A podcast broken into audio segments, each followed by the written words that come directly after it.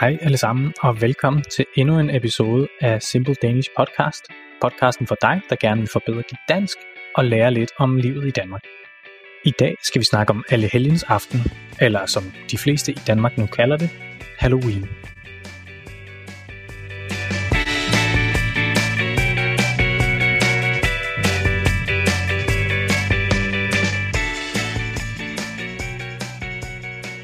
Halloween, som man kender det fra engelsksprogede lande, er meget nyt i Danmark.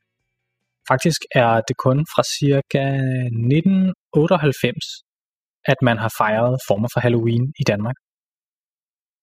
Der skete det nemlig, at en dansk tabloidavis begyndte at afholde Halloween-arrangementer med gyserfilm, præmier for udklædning og meget mere. Og det tog ikke lang tid efter det her, før legetøjsbutikker begyndte at sælge udklædning til børn, og at skoler, forældre osv. begyndte at afholde og fejre Halloween for børnene. Det har også haft den sjove, øh, utilsigtede konsekvens, at Danmarks græskarproduktion er eksploderet siden Halloween kom til landet.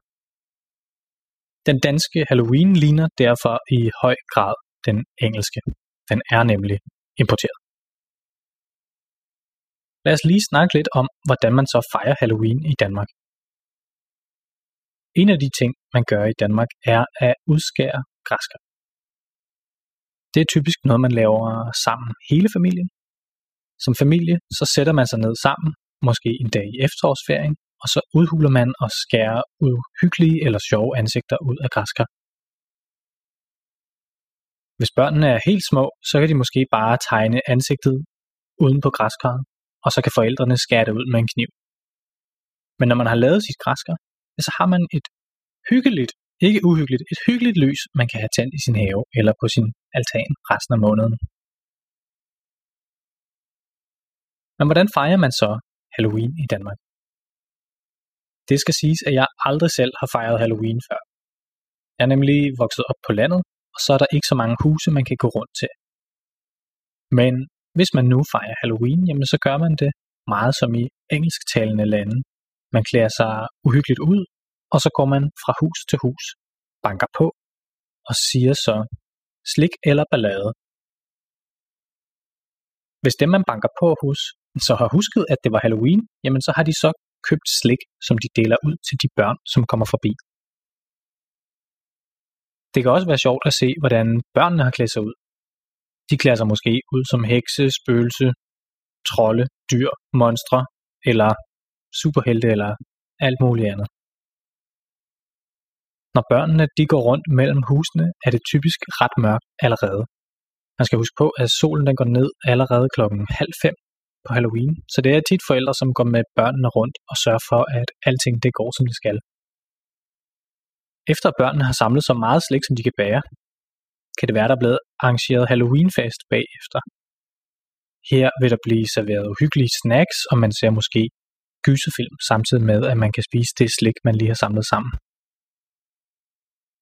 Hvad er så forskellen på alle helgens aften og alle helgens dag, som mange måske har hørt om? Og her der skal man lige holde tungen lige i munden. For alle helgens aften går nemlig sammen med alle helgens dag.